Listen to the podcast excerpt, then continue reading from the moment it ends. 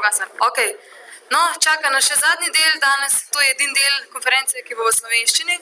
Um, pa bom kar predala besedo dr. Ani Slavec. Tako lepo pozdravljeni vsi v imenu Društva Mlade Akademije, ki ga predstavljam. Moje ime je Ana Slavec in bom danes uh, povezovala uh, to okroglo mizo skupaj s Tomažem Rijevcem z Inštituta Jožef Stefan. Uh, naslov te okrogle mize je karjerni plan. Pogovarjali se bomo o karjerah raziskovalcev po doktoratu, raziskovalcev na začetku karijere. Povabili smo pet raziskovalcev, pa bom začela tukaj kar na moji desni, Teja Romih, ki je diplomirala iz biologije na biotehnički, potem pa doktorirala iz znano znanosti na fakulteti za elektrotehniko. Um, zdaj pa v uh, privatnem podjetju deluje kot svetovalka. Um, potem uh, naprej imam uh, Matic Loženšek, ki je kemik, diplomiral na fakulteti za kemijo in kemijsko tehnologijo, potem je bil mladi raziskovalec na odseku za anorgansko kemijo na inštitutu Jožef Stefan. Tekom, že tekom doktorskega študija je gostoval v ZDA in Kanadi, zdaj pa je bil je Marie Curie v Kanadi. Ana Gantar, prav tako iz inštituta Jožef Stefan, oddelek za, za znanost in preksorne materijale na ISC-ju, kjer je bila mlada raziskovalka. In uh, potem je tu uh, Eva Menard, tudi kemičarka iz fakultete, za, uh, diplomirala je na fakulteti za kemijo in kemijsko tehnologijo, doktorirala pa je v tujini, v Veliki Britaniji, na University College London, zdaj pa dela v Narodnem muzeju Slovenije. In z nami je tudi Urška Krista, biotehnologinja, potem pa mlada raziskovalka na ceku za znanosti o okolju ISS ker je na mednarodni podiplomski šoli doktorirala iz ekotehnologije, zdaj pa deluje v podjetju Lekun Mengšo na oddelku za biofarmaceutiko. Tako, to so sodelujoči na okrogli mizi. A se čemo še prešteti? Um, mogoče za začetek, da bom videl, kdo bo največ odnesel od te okrogle mize, dvignite roke tisti, ki končujete doktorat. Kar neki. Tako da z prve roke boste zdaj lahko največ informacij dobili. Kako naprej? Ja, najprej nas, nas zanima, um, v bistvu, kako sem vas že vse predstavila, kje ste doktorirali in tako naprej. Zanima nas tudi to obdobje, ko ste enkrat doktorirali, kaj ste počeli po doktoratu. Uh, recimo, Ana, ravno svoji menjakinji. Če lahko pišeš malo dogodke po doktoratu, ki so te vodili potem naprej. Če pa sem razumela, zdaj si v procesu ustanavljanja nekega spin-offa. Um, Ja, pozdravljeni vsi skupaj. Um, v bistvu mene so že dogodki tekom doktorata pripeljali do, do zdaj, ker sem, sem, do zdaj, ker sem uh, v procesu ustanavljanja odcepljenega podjetja iz inštituta Joža Štefan. Um, v bistvu uh, so tehnologijo, ki sem jo uh, razvila tekom doktorata in smo jo s kolegi dopolnili, smo v njej videli nek tržni potencial. Uh, ker, ker pa nekako ni bilo nekega večjega zanimanja iz trga, smo se odločili, da bomo pač skušali to tehnologijo sami pripeljati do te, uh, do te stopne, da bo za trg bolj zanimiva, oziroma ne samo za trg, ampak tudi za končne uporabnike. Ja, mogoče Urška Kristan ima pa čisto drugačno izkušnjo, ona je šla pa na makro podjetje. Ja, v bistvu um, jaz sem pa tako kar dosti menjala področja, se pravi, študirala sem biotehnologijo. Um, in tekom študija sem v bistvu že kot študent drugače delala na leku, um, sicer s siličnimi kulturami. Um, in pa sem v tej smeri tudi diplomo uh, zaključila. Um, pa pa sem si nekako želela, da bi pa mogoče še kakšen drug aspekt uh, znanosti videla. Uh, in sem v bistvu iskala eno pozicijo za mladega raziskovalca, in sem začela čistko z nule, um, tako da sem šla po vrsti seznamu od A do B. Um, in uh, pristala pa na koncu na institutu Jožef Stefan, ker sem pa v bistvu se pa ukvarjala s selenom, pa specijacijo. Um, ampak kljub temu, no, je pa v moji duši še vedno ostala ta želja nekako po malce bolj biotehnološkem pristopu, in sem se pa nazaj vrnila. Um, na to matično podjetje, ker sem prve delovne izkušnje pridobila. No, in tam sem tudi zdaj dobila zaposlitev, ker sem zdaj že tri leta zaposlena. No. Uh, kaj pa Matic, uh, si v bistvu po doktoratu, si prijavljal Marie Curie projekt uspešno? Lahko malo opišeš. Ja, uh, živijo, hvala za povabilo. Um, v bistvu ne po doktoratu, ampak že tekom doktorata. Jaz sem imel to srečo, da je moj uh, mentor, profesor Žemva, bil tako izredno odprt in ko sem jaz prišel do njega z idejo, da bi pač rečel v Kanado v neko določeno skupino na Univerzo McMaster nekaj narediti, je on takoj to idejo podprl, potem smo recimo prijavila skupaj projekt za promocijo znanosti in smo dobili, ne vem, 1000-2000 evrov, nekaj tasga, čist dovolj, da sem lahko za en mesec odšel v Kanado. In dejansko že tam tekom doktorata, ki sem bil pri njih, smo se pogovarjali o možnosti za nadaljevanje. Vedel sem, da pač postdok je naslednja nujna, nujen korak v karieri raziskovalca in da se tudi na inštitutu zahteva za izvolitev. In v bistvu na ta način sem v Kanadi navezal stike, vedel sem točno, kaj delajo, in potem smo začeli razmišljati o tem, kakšno financiranje bi lahko pridobili. Ne. Na srečo ali pa na žalost, se je takrat so se neke NATO-ve štipendije zaključile, ker sem jaz končal, tako da to ni prišlo upoštevno. Sem pa nekje slišal za Marikiri in sem to pač mentorju v Kanadi omenil. Sicer, ko sem jaz doktorat končal, je mentor rekel, da ima nek industrijski projekt, da me bo zaposlil kot postdoka, ampak nisem jaz nekaj omenil, neke štipendije. Ne? In ja, tako da se je tako zgodilo, da sem v bistvu pisal doktorat in pisal prijavo za Marikiri in zaradi tega tudi potem par mesecev kasneje uh, doktoriral zaradi prijave, ker glih v istem času je oboje potekal. In uh, pač doktorat je bil malo bolj fleksibilen, uh, prijava, prijavni rok za Marikiri pa ne. ne.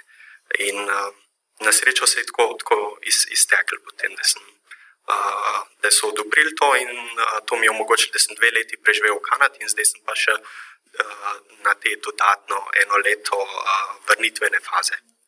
Ker štipendije, v kateri uh, Marikeri, ki se uporabljajo za to, da greste iz Evrope ven, vedno vključuje tudi vsaj eno, minimalno eno leto vrnitve. Vrnitve v Slovenijo. Uh, v Evropo. Jaz sem napisal za Slovenijo, lahko pa napišete tudi za kaj drugega. Ne? Lahko napišete, da greste v ZDA in se vrnete v Švico ali pa Norveško oziroma kam, kamorkoli. Jaz sem pač napisal, da se vrnem v Slovenijo. No, uh, v Slovenijo je prišla tudi uh, Eva. Ne? In kakšna je bila tvoja izkušnja? Pa v bistvu ti si takoj lahko dobila priložnost uporabiti raziskave. Ja, praktičen no. namen. Skoraj skor takoj, mislim, še tri leta delala nekaj drugega. Um, ja, pri meni se je v bistvu tako, kot je že par, um, par ljudi omenjal. Vse je začelo že precej pred koncem doktorata, pač to, kar je vodilo do tega, da sem zdaj tukaj, kjer sem. Um, v bistvu sem že med faksom nekako začela se zanimati za to področje malo kulturne dediščine, oziroma povezovanja kulturne dediščine, pa kemije, oziroma naravoslovja. In da v bistvu, ker mogoče na prvi, na prvi pogled se mogoče sliši, da pač kaj ima to dvoje skupnega, ampak v bistvu, če malo pogledaš, so pa lahko zelo zanimive in zelo lušne stvari, pač iz tega pridejo. In v bistvu to pač sem imela srečo, da je en izmed profesorjev na faksu, dr. Strlic, s tem ukvarjal. In sem si rekla, ok, wow, jaz bi to delala, a, lahko mogoče delam za vas. Um, potem je pač on šel v London in jaz z njim, da sem potem pri njemu delala pač v Londonu doktorat. Um, sicer pol tam nekako malo nisem želela ostati, ker pač ja, tako kot smo rekli, malo, malo sem bila dovolj, sem hotela priti nazaj domov, v bistvu, no, nekako tri leta Londona, pa štiri je, je tudi kar naporno. Um, tako da pol, ko sem prišla domov, sem si v bistvu slučajno se jih pojavila ena opcija na Kemijskem inštitutu v laboratoriju za analizno kemijo um, kjer sem v bistvu potem nekako malo temo zamenjala. No, v bistvu ni bilo pač spet toliko te povezave s kulturno dediščino, ampak smo pa pač delali na enem evropskem projektu, ki je v bistvu imel um, pač sam. Namen evropskega projekta je, je bil pač ohranjanje kulturne dediščine, ampak to, kar pač dejansko delaš v laboratoriju vsak dan, je bilo pa pač čist nekaj drugega. Ampak um, je pač vseeno bilo tako precej, precej fino in sem imela dobro skupino in sem me zelo lepo sprejela, tako da ni bilo, ni bilo hudih problemov. Um, potem zdaj ta, ta zadnja služba, v kateri sem pa trenutno, ki je pa v Narodnem muzeju, to je pa v bistvu spet. Malo srečno na ključje, da pač, ker v Narodnem muzeju um, imajo oddelek za konzervatorstvo in restauratorstvo, in tam je načeloma vedno en naravoslovec oziroma en kemik zaposlen. Um, ki pač dela analize in svetuje glede materijalov in pač vse take zadeve. In je pač prejšnji kemik um, nekako spomladi šel v penzijo, tako da v bistvu se je pač en razpis odprl, za katerega sem jaz potem izvedla. In sem pač seveda se prijavila, ker pač to mi je nekako primarna zadeva, pač to res ono zanimanje za te materijale. No. Um, ja, zdaj pa še te. Um, doktorirala si na fakulteti za elektrotehniko. Um, zdaj, um, Ker vem, si v bistvu nisi bila mlada raziskovalka, tako da, ko si zaključovala doktorat, si bila v bistvu nekako brezposelna. Kako je bilo v bistvu zate potem ta izkušnja prehoda po doktoratu, kaj si počela? Ja, jaz moram pravzaprav poseči kar daleč nazaj, preden sem uh, zagovarjala doktorsko disertacijo. Torej, ja, jaz sem bila financirana iz inovativne scheme štipendiranja. Tukaj je mogoče treba povdariti, da sem bila ravno v tisti kohorti, ki se je upisovala leta 2011, ko je bilo največ doktorandov, um, tudi takih, ki smo bili iz drugih sredstev financirani, ne samo MRI, in potem v tisti kohorti, ki je doktorirala ravno takrat, ko je AR, oziroma naša vlada najbolj um, porezala uh, proračun za znanost. Ne? Tako da recimo v moji bivši raziskovalni skupini smo praktično vsi nekako morali oditi. Uh, in jaz, takoj ko se mi je iztekel status študenta, ker sem praktično imela enak status kot na dodiplomcu, sem se prijavila na Zavod za zaposlovanje. In sem bila brezposelna 8 mesecev. V tem času sem še tudi hodila v laboratorij, zaključovala poskuse, pisala članke, pisala doktorat. Um, in potem me je začela malo grabiti panika, kaj bom sama s sabo pokončam. Um, in sem tudi prijavila uh, štipendijo Marie Curie, našla sem si ene sodelavce iz Norveške. Um, no, v tistem času tudi, um, to je vse tako usporedno potekalo, sem pa srečala pravzaprav na poti spominov in tovarištva svojega bivšega sodelavca, ki ima pa svoje podjetje. In mi je rekel, da ima več dela, kot ga sam zmore, in da me ima interes zaposliti. In jaz sem rekla, da ja, je v redu, pridem. Ker tako ali tako nisem vedela, kako se bo dalje Marikiri išla. Um, in sem vesela, da, da sem se tako odločila, zaradi tega, ker Marikiri mi sicer ni uspela, s, uh, bom pa še poskušala no, s tem projektom. Tako da uh, jaz uh, ostala sem v povezavi z znanostjo, torej mi dva v tem podjetju se ukvarjava z vizualno komunikacijo za znanstvenike. Um, on dela predavanja, um, pa tudi svetuje individualno, če ima kdo željo, um, kako svoje vizualno gradivo, od grafov do grafičnih abstraktov in podobno, narediti na ta način, da se, bo, um, da se bodo ideje čim bolj jasno in razumljivo predstavlja. In jaz skrbim za, reka, znanj, za strokovno, da, se, da je vse strokovno v redu s tistim. Um, tako da, ja, um, sem pa nekako, imam pa se še vedno željo vrniti v znanost. No. Ne vem, zdaj, če mi bo uspel, mi bo uspel, če ne pa je tudi to, bi rekla, uh, najboljša rezerva, po mojem, kar imam. Zdaj, v povezavi s temi zgodbami, vašimi. Um, mislim, jaz sem dobil občutek, da je kar dosti sreče ali pa na ključi. Um, se nam na robe razumeli, te le srečene. uh, kaj mislite, a ste se pol vsem prepuščali na ključem, da bi se potem življenje pelali po tej poti, da ste prišli sem, kjer ste? Ali ste se kdaj tudi orenko sedeli in naredili res dober načrt, kako bodo pač naši poslušalci zdaj po vaših nasvetih? Mogoče Ana, s tabo spet začnemo. Ja, jaz še zmeraj mislim, da moraš imeti zelo dober načrt, ne, kako in kaj naprej, oziroma neko vizijo, kaj naprej. Še zmeraj moraš ostati zelo fleksibilen, ker včasih ti življenje pripelje nasproti nekaj, kar si sploh ne misliš, da, da boš dugo in moraš skočiti, zgrabiti z vsemi štirimi in iti tistim. Uh, čeprav mogoče se mal gre malo stran od tvoje vizije, ampak včasih je tako, da strmiš za neko vizijo in ne pride, in ne pride, in ne pride, vse ti pa odpirajo drugi, drugi koraki oziroma druge priložnosti in mislim, da jih moš vzeti. A, kaj pa, Urška, um, je bil to, zdaj si v farmacevskem podjetju, je bil to že od začetka doktorata tvoj načrt? Je to nekaj, kar si planirala, da boš nekega dne delala tam, ali je to bila spet na ključi? Jaz sem pa tako, kar človek, da spontanih odločitev.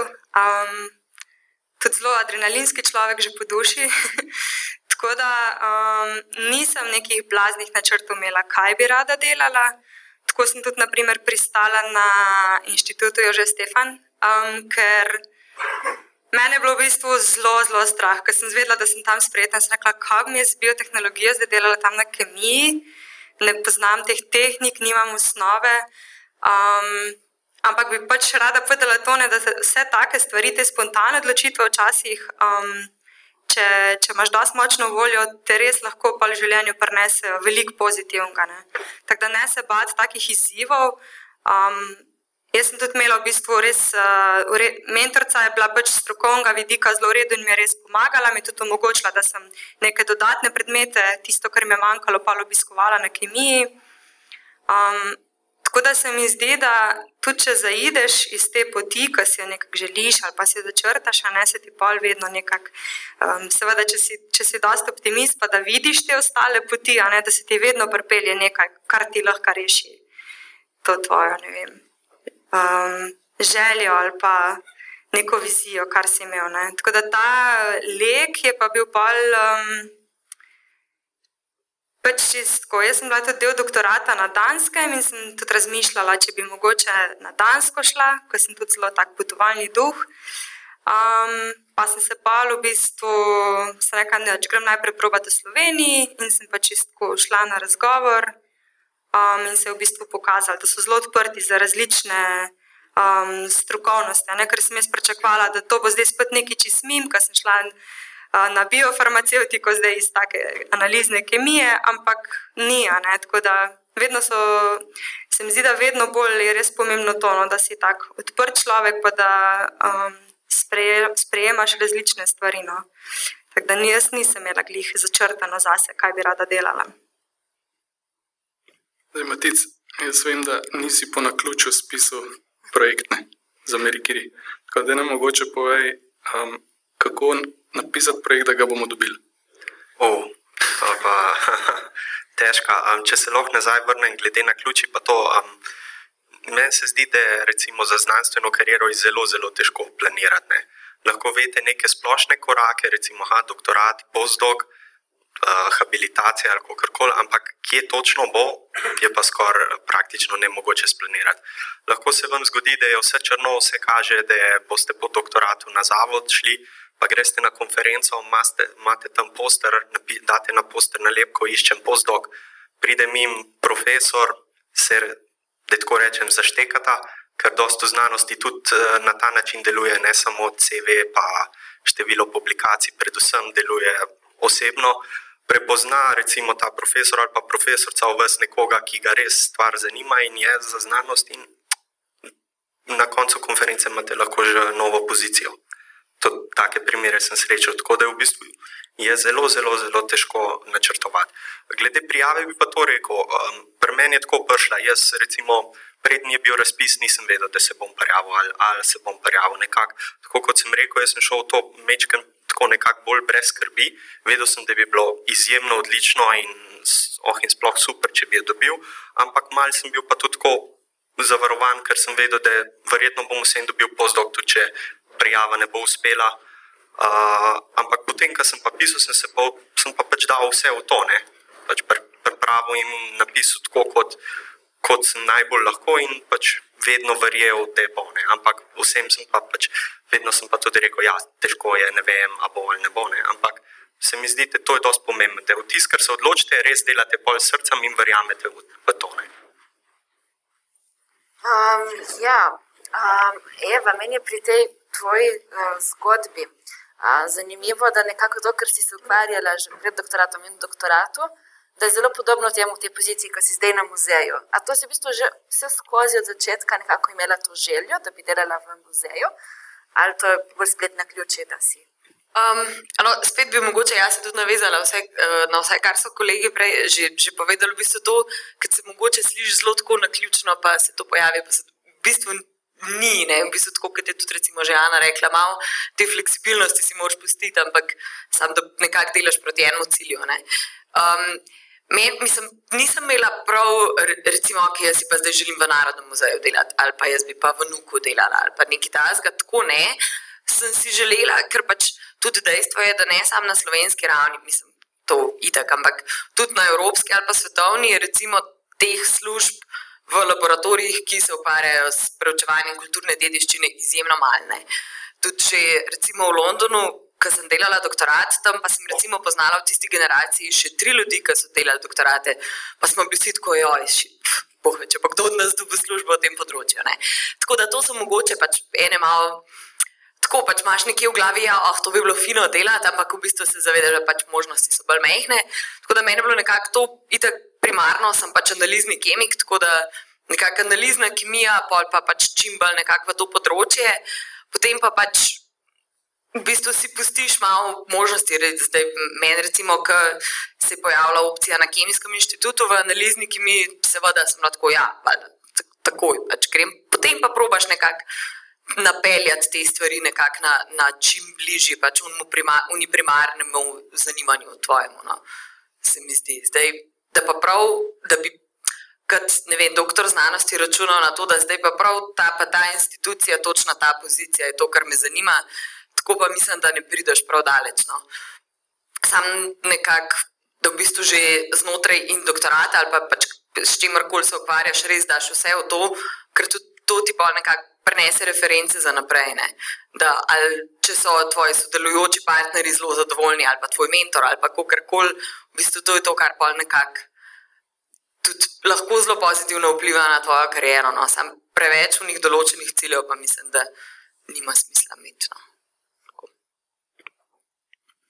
če še za konec eh, tega. Um, kaj ti misliš, um, koliko je pomembno, da naprimer zdaj študente grejo v tujino, um, ali pa koliko pomembno je tudi, da širijo svoj, rečemo, svojo mrežo poznanstev, da si mogoče povečajo to naključnost, ker zdaj govorite, da v resnici mogoče niti ni tok naključnost. V povezavi s tem, pač, kar ste izkušen imeli. Um, ja, zdaj, kako bi rekla, vsaka izkušnja v tujini je dobrodošla, ker razširi neka obzorja. Ne. Zdaj tukaj moram reči, da mogoče nisem jih pravi naslov za to vprašanje, ker sem imela z tujino zelo malo izkušnje. Jaz sem nekaj malega delala v Bazovici pri Trstu, ampak to je pa to, nisem bila nikjer na nobenih gostovanjih. Um, sem pa delala doktorat praktično na treh različnih institucijah, ja, pa znotraj FKT še v dveh različnih laboratorijih. Tako da ta vidik mreženja, pa lahko rečem, da mi je izjemno koristil. No. Sem si spletla tako široko mrežo poznanstev iz zelo različnih disciplin, od analizne kemije, fizikalne kemije, um, biologije in tako dalje. In v bistvu ti to potem, če boš kdaj v taki situaciji, kot sem jaz, ne, da recimo ne veš, da boš mogel prijavljati projekte, pa ne veš čisto točno, kaj ti bo šlo skozi, kaj je perspektivno, je super, da imaš več opcij. Mislim, jaz, če se še tudi malo nazaj navežem, um, jaz sem praktično bila zelo determinirana, ali pa sem še vedno, da jaz bi pa rada bila znanstvenica po poklicu. In to me zdaj kar mal tako vsakič me grabi, no, jaz sem zelo pogrešen laboratorij. Um, ampak po drugi strani pa pa ugotoviš, da se lahko udejstvuješ na več različnih načinov, ne? lahko se tako kot se jaz, potem konec koncev kot biologinja vem, da polovica slovenske biologije temelji na prostovoljstvu in jaz tudi v bistvu sem članica Društva za opazovanje in preučevanje ptic Slovenije in tam nekako sproščam to svojo potrebo po, po strokovnem delu, ne? tudi če jo mogoče klih v službi uh, nimam. Um, potem, um, kar sem odkrila, naprimer, zdaj, je to, da uh, ima večina razpisov možnost uh, oziroma funkcijo career restart, kar pomeni, da tudi če moraš iti ven uh, iz znanosti, imaš kar veliko možnosti, da se potem nekoč vrneš. Ne? In tudi lahko kakršne koli izkušnje, ki si jih pridobil, kjerkoli, uh, sem prepričana, da lahko um, potem v svojo prihodnost nekako ukorporiraš. Sam, ja, bolj, moraš biti, oziroma najbolj pomembno je, da si miselno fleksibilen. No, to, to, to je tudi nekaj, kar sem sama pri sebi odkrila zdaj, s tem časom. Ja, vsi ste v bistvu že nekako malo omenjali, da ste se na teh svojih kariernih poteh srečevali z nekimi problemi, izzivi. Pa bi zdaj mogoče šli malo več podrobnosti glede tega. Pa me zanima za Ano, ki s tem spin-offom, kakšni so tu neki izzivi, problemi, neke težave, s katerimi se srečuješ, kako jih rešuješ. Um, ja, V bistvu največ je zelo malo potem raziskovalnega dela, oziroma je to raziskovalno delo malo drugačno. Uh, največ, s čim se ukvarjam, je marketing, pa mreženje in iskanje investicij. Tle gre pač za malo drugačno iskanje uh, kot sami projekti, gre pač tudi za iskanje uh, privatnih investitorjev oziroma raznih investicijskih skladov, razpisi za. Eh, za mala podjetja uh, iskanje raz, uh, raznih acceleratorjev oziroma pospeševalnikov, ki nam bi pomagali na tem področju. Glede na to, da pač, uh, kot jaz in vsi ostali kolegi iz skupine, pač imamo vsi naravoslovno uh, ozadje, oziroma smo naravoslovci, tako da nam ta biznis žilca malo mogoče včasih manjka. Uh, uh, tako da to je ena izmed težav. Potem pa mogoče druga je pa, um, da je lahko tehnologija zelo super in oh in sploh in najboljša.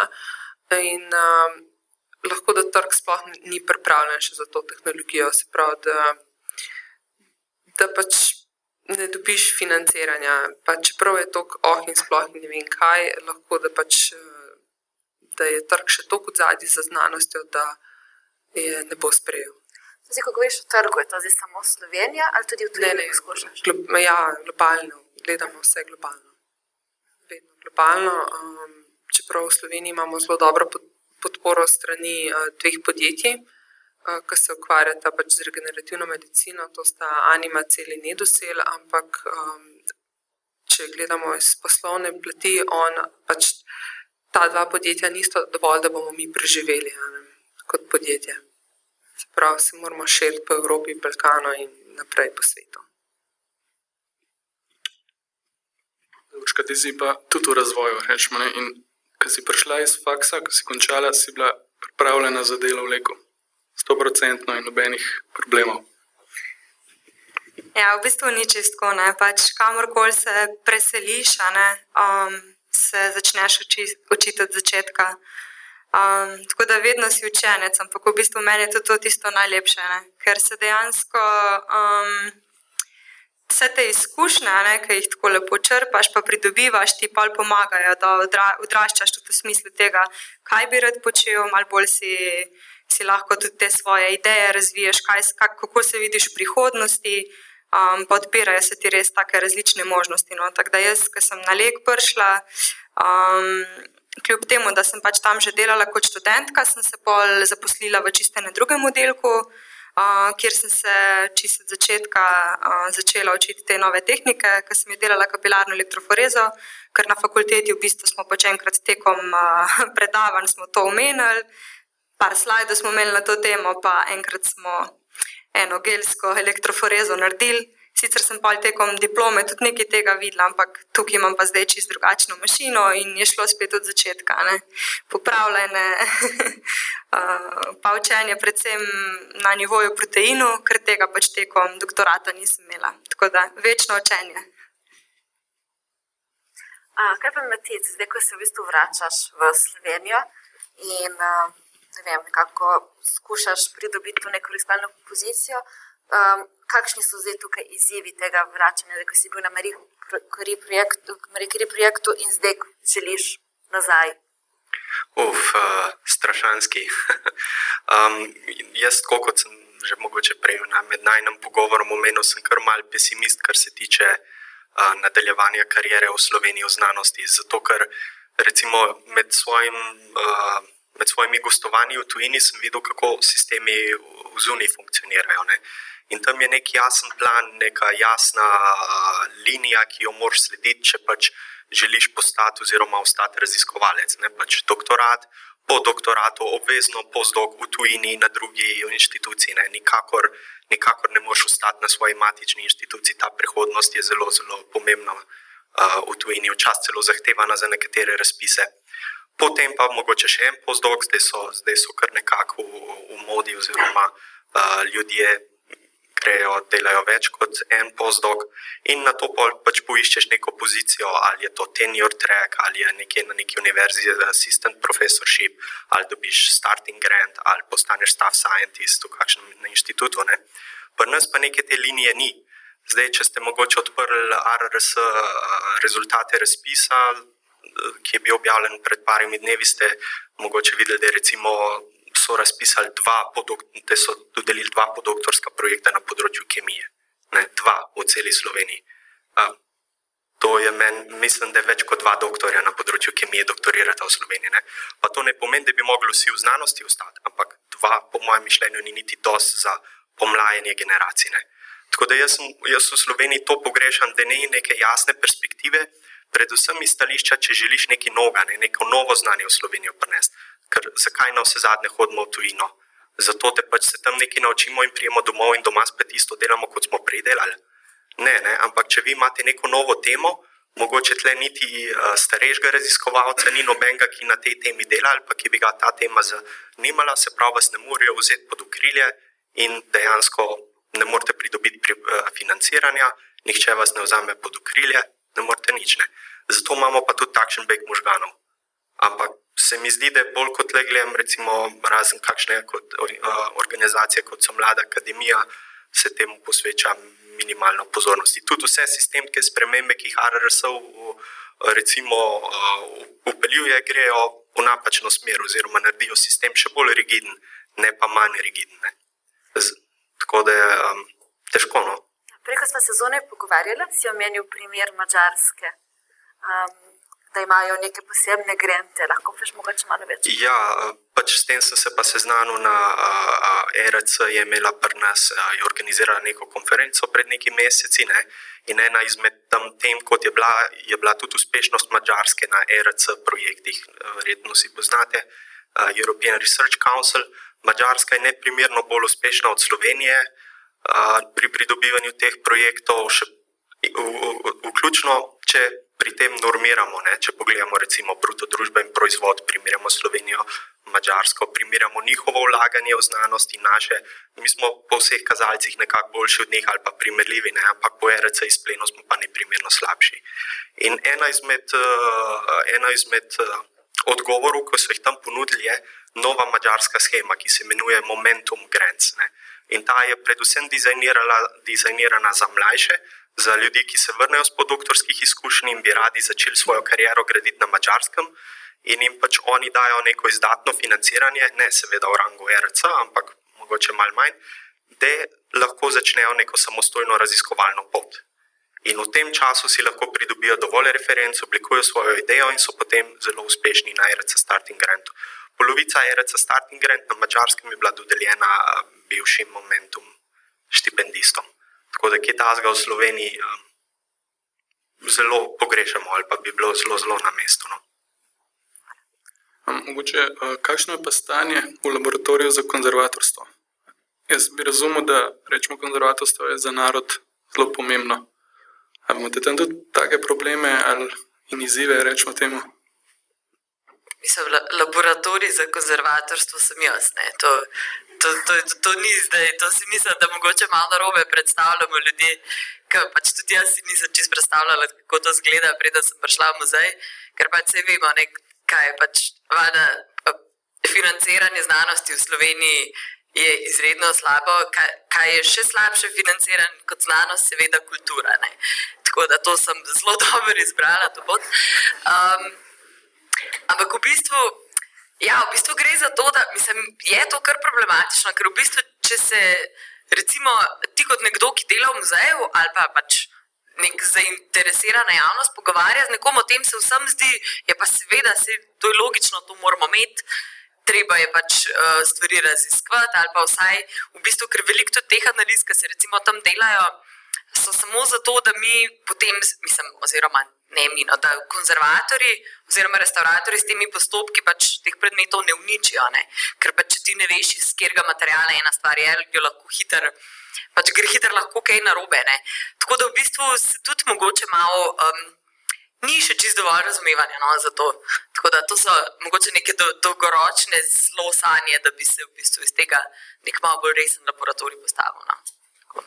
Zaenkrat pa v bistvu um, Sam še tole na hitro. V bistvu precej se zanašamo na to, oziroma upamo, tudi mogoče v muzeju upajo, da bom tega mogoče zdaj še malo več z mano, ker tudi imam na Kemijskem inštitutu pač bivše sodelavce, pa pač malo poznam tudi nekaj ljudi iz drugih inštitucij. V bistvu se zelo zanašamo na to, da lahko malo kje gostujemo, ali pa da kdo kaj nam naredi, ali pa si kakšen inštrument lahko sposodimo, ali pa kaj tasmeno. V bistvu veliko je čist na tej dost osebni, na pol prijateljski ravni no, tega. Ja, uh, te. Um, zdaj, v bistvu, sama si že nekaj omenjala, nekih teh izzivov, problemov. Zdaj, v bistvu, ko, si, v bistvu, kot, ko si zdaj nekako ven iz te znanosti in se prijavljaš na Marie projekte, nimaš neke pač, um, podpore, to mora biti verjetno tako, ne vem, ker težava, da v bistvu si nekako sama sebi prepuščena pri vsem tem. Um, ja, pravzaprav, da nimam podpore, to lih ne drži zaradi tega, ker um, jaz sem tudi v to schemo nekako prišla preko univerze na Norveškem. Um, Na TNU, Univerza v Trondheimu, ki je imela prav razpis, s katerim so iskali um, kandidate, s katerimi bi njihovi raziskovalci um, prijavljali Marikiri projekte. Torej, za kateri koli ste malo bolj tako naravoslovno, ne vem, fiziki, kemiki, biologi, biotehnologi, tukaj v predavalnici tudi močno priporočam, da to pogooglate, če koga zanima. Zelo kvalitetna univerza. Um, in mislim, tam, imela, tam smo dobili no, tisti kandidati, ki smo bili zbrani, zelo veliko podpore. Um, tako strani mentorja, kot nekega njihovega evropskega koordinatorja, potem tudi um, v projekt sem vključila še neke um, svoje kontakte iz uh, časa doktorata, ki so bili tudi zelo kooperativni. Um, drugače pa ne vem, mislim, jaz nimam s tem problemov, da sem nekako prepuščena sama sebi. Sem pač karakter tak, da mi to ni problem. Mislim, zdaj, seveda, tist, če je kdo ta karakter, da rabi veliko vodstva, potem verjamem, da je to za njega zelo stresno. Za me pač ni. No. Nekako sem rajš, kako bi rekla, rajš malo bolj sam svoj gospod oziroma gospa. Um, ja, Tako da, um, ne, jaz sem jaz. Uh, pri svojem trenutnem delu se srečujem z zelo podobnimi problemi kot Korana, ker je pač podjetje, ne, torej kako pridobiti stranke, potem sprememba tega mindseta, da prej si bil znanstvenik, zdaj si kar naenkrat podjetnik, um, potem tudi mogoče prepričati. Uh, ker mi dva le predavava, oziroma jer naj predava znanstvenikom, da mi dva če sva DOO, da nisva zdaj nek bal bal, da DOO je praktično samo neka organizacijska oblika, da na koncu dneva državi plačaš davke in sebi splačaš plačo. Da to ne pomeni, da so zaradi tega, ki manj, ne vem, verodostojna ali pa nekaj takega. Ne. Mislim, tudi tukaj se mi zdi, da sem tudi jaz osebno napredovala. Še največ imam nekako problemov sama s sabo, ker pač pogrešam laboratorij, ker sem tako tak geek in mi je bilo to res super fajn delati. Ja, vem, mogoče nam je še zadnji, bo se to sem jih odreči, še zadnji krok nam je ostal, pa bi ga mogoče malo skrajšali. Uh, nekoga vprašanje je, kaj bo v prihodnosti, kakšne načrte imate za prihodnost, tukaj smo v bistvu vsi usklajeni. Potem bi prišla tudi vprašanja, uh, da bi se malo vključili iz publike. Da pa mogoče tokrat, vse ste že zelo veliko povedali, ne? kaj so vaši plani. Če bi kdo še kaj dodal, plan za prihodnost, ali pa mogoče kako se čutite, da ste zdaj pač prišli nekam, pa je to to. Boste tukaj zdaj razvijali naprej, ali mislite tudi še naprej na neko drugo točko? Pa kar ne vem, po želji. Če ne bomo določili. Um, mogoče glih, kaj je, kaj je najbolj frišno. No, meni se je tako um, vleko, no, vsaj tej naši skupini, je dosta omogočeno um, napredovanje, oziroma ne samo napredovanje v smislu po lestvici na vzgor, ampak tudi um, menjavanje pozicij, uh, učenje drugih tehnik. Um, tako da jaz sem v bistvu s tem tednom, pa v bistvu s koncem aprila, no, bom pač mal zapustila ta laboratorijski del, pa kapilarno elektroforezo. In um, bom v bistvu kot nek vodja ene glikanske skupine, tako da me zdaj v bistvu čist novi izzivi čakajo. Bom seveda še vedno v laboratoriju prisotna, ampak bom tudi malo te um, vodstvene sposobnosti preizkusila, pa da vidim, če, če, mi, če mi še tu ostaja kakšni izzivi. No. Tako da to z moje strani, kar je za prihodnost. Gremo kar naprej. Jaz, sej, jaz sem v bistvu um, veliko sem že povedala, no, tako da zaenkrat za um, nameravam ostati tukaj, pa upam, da bomo nekega dne pač v bolj ali manj bližnji ali daljni prihodnosti pač nekako to še malo razširili in da tudi bi laboratorij ne samo kot fizično in aparature malo zrastel, ampak tudi po številu pač zaposlenih. No, to pač sanjamo. No. Ja, ja seveda. Ja. ja, jaz si želim en uspešen začetek poslovne kariere in pa upam, da bomo vsaj naslednjih petih letih začeli, lahko začeli koga zaposlovati. Uh, prihodnost. Um, jaz pa v bistvu rešujem tudi tako imenovan two-body problem. Moja partnerka je tudi v znanosti, trenutno je na postdoku v Kanadi, tako da ne vem, kaj bo prinesla prihodnost, ali Slovenijo ali tujino, vse je še odprto. Ja, jaz bom zelo grobo realistična, ne? glede na to, da sem um, precejšen del doktorskega študija financirala iz lastnega žepa. Je meni na prvem mestu, so mi na prvem mestu finance. Tako da jaz moram paziti na to, da bom um, poskrbela zase, zato če mislim, ne splača se mi iti na bolj tvegano pot, kot sem si jo že tako ali tako zbrala. Tako da se pravi, to, kar imam zdaj, je najboljša druga možnost. Um, sicer imam uh, željo se vrniti v znanost in bom še poskušala, ampak ne pa v neskončnost. Tako bom rekla če recimo mi uspe dobiti kak projekt, pa če mi uspe potem iz tistega naprej zalaufati, ne vem, nimam zdaj le trenutno neke zelo definirane ideje, kako naj bi to izgledalo. Mislim, imam raziskovalne ideje, ne? ampak tako kot smo že ugotovili, zaradi pomankanja denarja. Ni nujno, da boš s temi raziskovalnimi idejami uspel. Zaradi tega, ker mislim, ja, če se na nekem področju, samo dva postdoka, naprimer v, v Sloveniji, financirata, ja, toliko in toliko ljudi bo odpadlo. Tako da ne vem, jaz nekako sem zdaj se s tako fleksibilnostjo čist sprijaznila, kar pomeni, služba je, služba je, služba je v redu, še vedno uporabljam veliko svojih kompetenc, ki sem jih pridobila med doktoratom. Um, in tudi neznanstvenik take službe, kot jo imam jaz, ne bi mogel upravljati. Tako da, ja, čisto v redu. Potem pa imam še mislim, da ogromno možnosti, um, da pa se strokovno udejstvujem na druge načine. Pa, če je prostovoljno, pa tudi na čutka. Zdaj pa bi dala besedo publiki. Če se predstaviš. Ja. Um, torej, moje ime je Mišel. Um, zdaj pač vprašanje na, na tejo.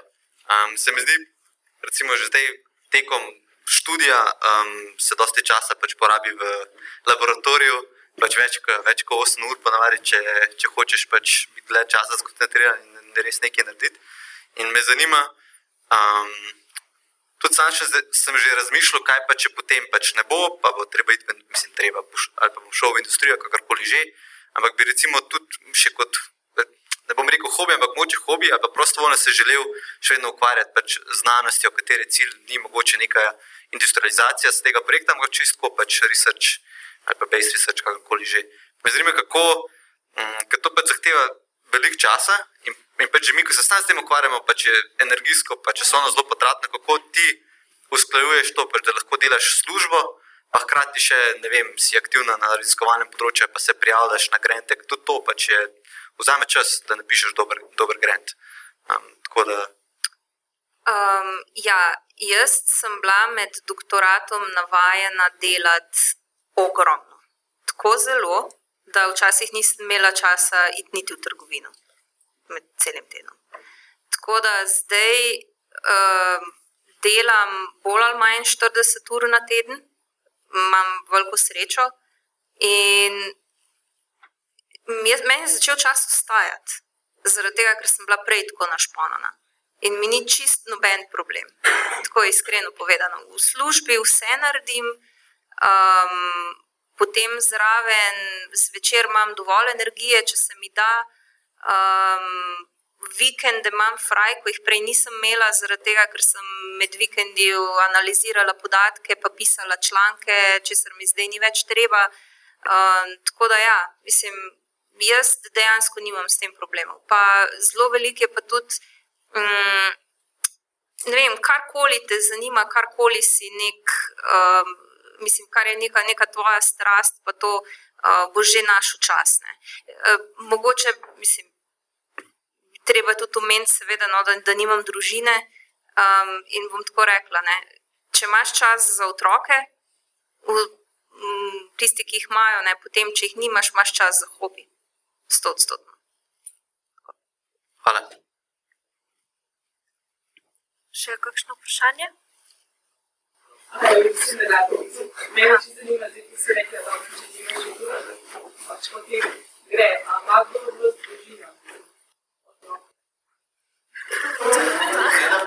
To mi pa moram, lahko nekaj povem. To mi je pa zanimivo, ker sem februarja vodila na drugo okroglo mizo, kjer je bila pa situacija obratna, so jih pa vsi imeli. Sem se jaz potem počutila tako kot edina brez.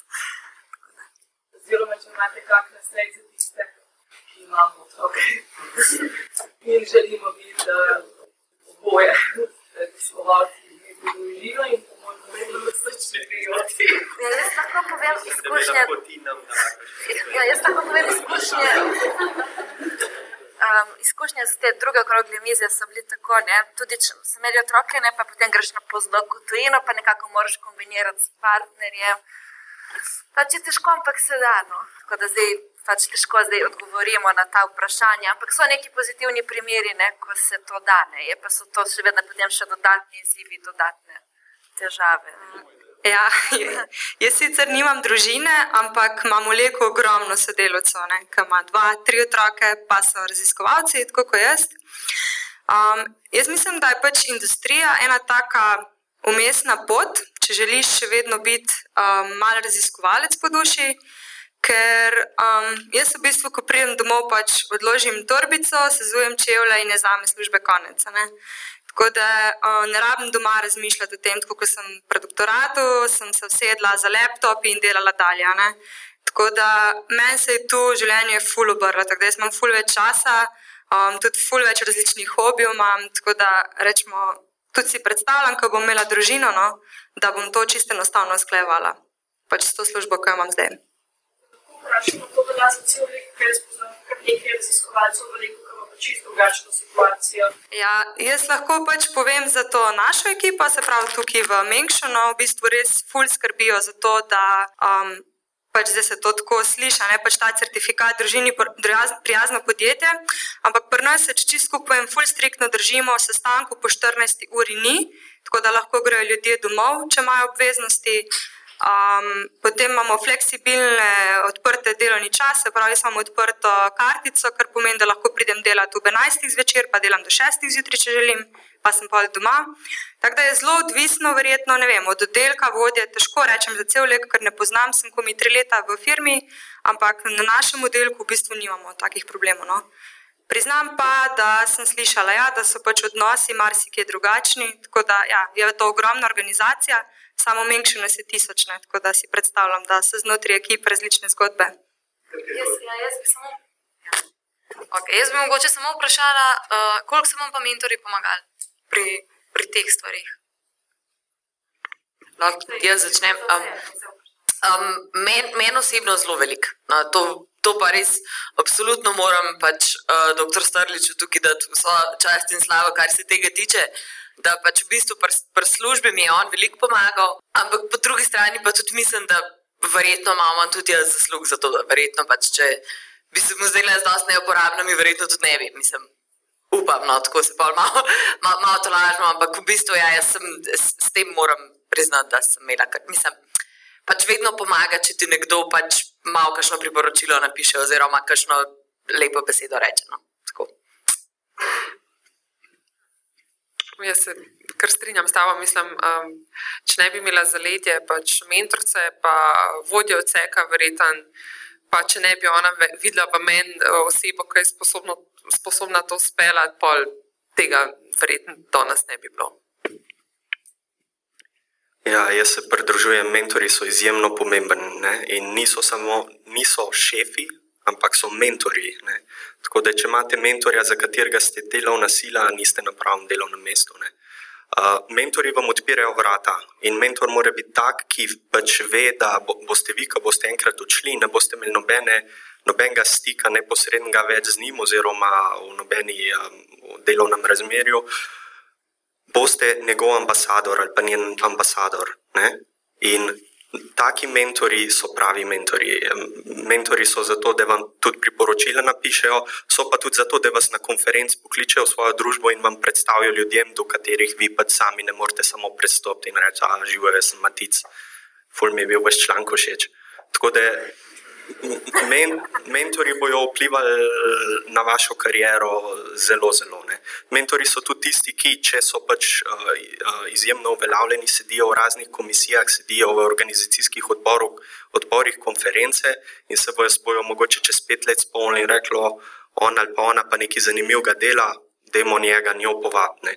Tako da, uh, ja, mentori so res mentori, oziroma bi to mogli biti tvoj mentor, moramo omeniti, da je bil tudi mentor leta takrat ja. Društva mladih raziskovalcev Slovenije, zdaj smo to mlada akademija, um, ker je to leta 2012. I, mislim, da ja, ja. je bil no mentor leta. Um, zdaj za te vem, da pač nima tako pozitivne izkušnje s uh, mentor, mentorico, ampak si mogoče potem kasneje imela kakšne druge mentorje pri raziskovalnem delu, neke so mentorje. Um, ja. Ja. Oziroma, kakšen nasvet mogoče za tiste, kako se spoprijeti s tem, ko v bistvu nisi.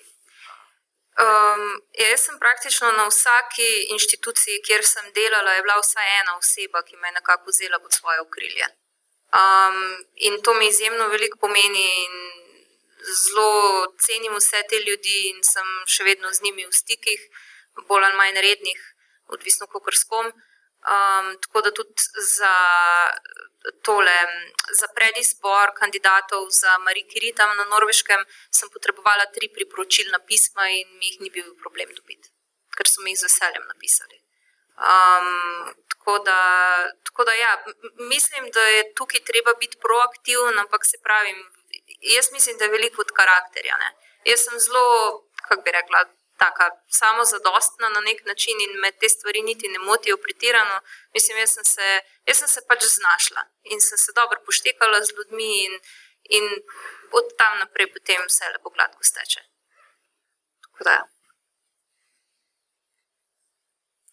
Um, še kakšno vprašanje? Um, vse je tudi v redu. Um, Torej, sem pač eno glih to vprašanje, smo se s kolegico pogovarjali pač o teh družinah, pa o raziskovalcih. In, in je tudi pač kolegica rekla, da ima tudi izkušnje, da so nekateri šli na Fulbright, to je štipendije v Ameriko, pa so pač vzeli zraven družino, recimo in partnerko in otroke. In tako naprej. Pa, pa tudi, mogoče tu bi me tica vprašal, ker se mi zdi, da. Kot se reče, dual body problem, ne, če sta oba raziskovalca, pa ne delate neko tako službo, pač, um, se meni zdi, ne vem, da pač nekdo more se pač prilagoditi drugemu. Zato, ker pač je, kot si sam rekel, eh, zelo majhna verjetnost, pa zelo težko, da bo to dobila eh, v nekem istem mestu, ali pa ne vem, postdoc, ali pa staff research, ali pa tenure check, kakorkoli že. Ja, um, čisto prav ste povedali. V bistvu uh, tu body problem vedno vključuje uh, prilagoditve, pa dejansko tudi malo žrtvovanja. Ne?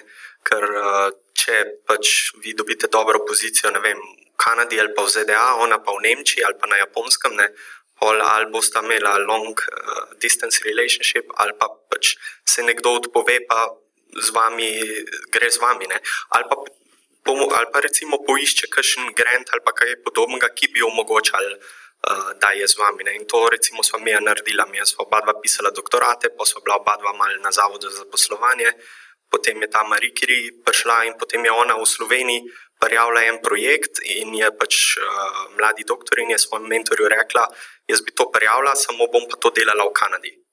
Ono, Okay.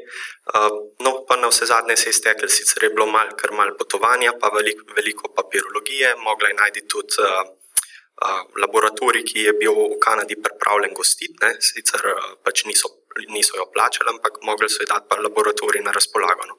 In se je to tako nekako išlo. Je pa glih pol nek, po nekakšnem naključju, glih ko smo se odpravljali nazaj v Slovenijo, je dobila pa še eno še boljšo ponudbo v Kanadi. Tako da uh, ja, včasih se temu uh, long distance ne da uh, odpovedati. Ampak uh, kar lahko upate, je pa, da to ne bo trajalo zavedno. Ne? Zato je tu bodi problem, ker na vse zadnje bi pa radi. Uh, cilj je, da najdete ali vsaj na isti inštituciji, ali pa vsaj na inštituciji, ki so tako blizu, da se da voziti, ne? da ni, ni potrebno v dveh različnih državah ali pa na dveh kontinentih. Kakšno vprašanje? Ja, jaz bi se vsem zahvalila, da ste prišli za vprašanje, predvsem pa tukaj petim sodelujočim, da ste delili. Ja, se mi zdi, da je vzela, ja, prosti. Ja, bi, ja, bi še kaj. Uh... Ja, jaz sem samo hotel reči, da ste zdaj vašo mrežo za pet ljudi razširili, tako da se lahko na njih tudi obrnete, ne? če imate kakšno koli vprašanje. Pa hvala v imenu vseh.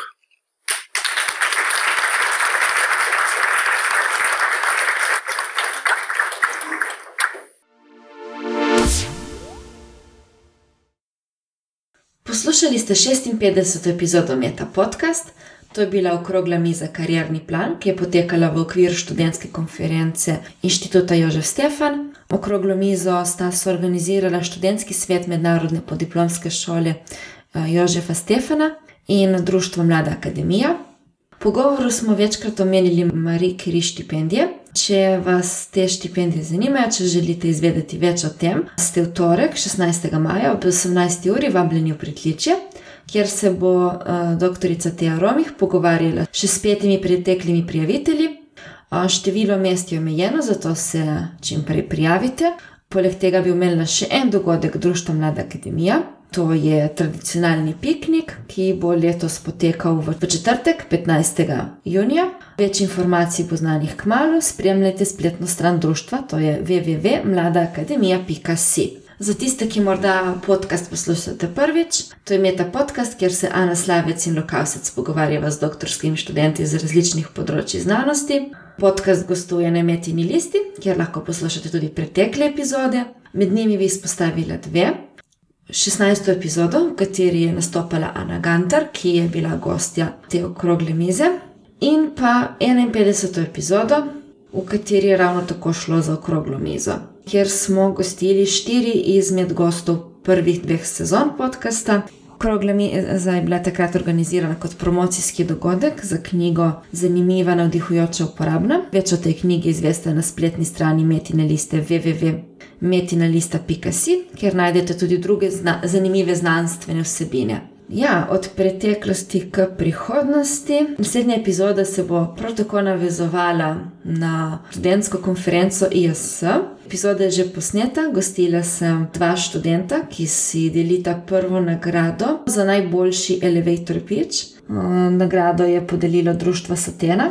Preden zaključim, bi se rada še opravičila za slab zvok v tej epizodi. Snemali smo preko dobrih mikrofonov v veliki predavalnici uh, na ISS-ju, ampak smo imeli tehnično težavo, da moj računalnik ni, ni prepoznal uh, mešalne mize. Tako da smo se morali znajti drugače. Zato smo našli eno zelo bizarno rešitev. Na glavne slušalke smo poveznili čez moj laptop, tako da se je v bistvu zvok snemal preko mikrofona na mojem prenosniku. Ampak vsaka slaba izkušnja je za nekaj dobra. Če ste poslušali nekaj preteklih epizod, veste, da to ni bila edina epizoda, kjer smo imeli nekaj težav z zvokom, in zdaj smo končno prišli do dna, kaj je bil razlog. In bomo napako lahko odpravili, tako da v naslednji 57. epizodi, čez 14 dni, boste lahko že slišali boljši zvok. A, to je bilo to, in se slišimo čez 14 dni.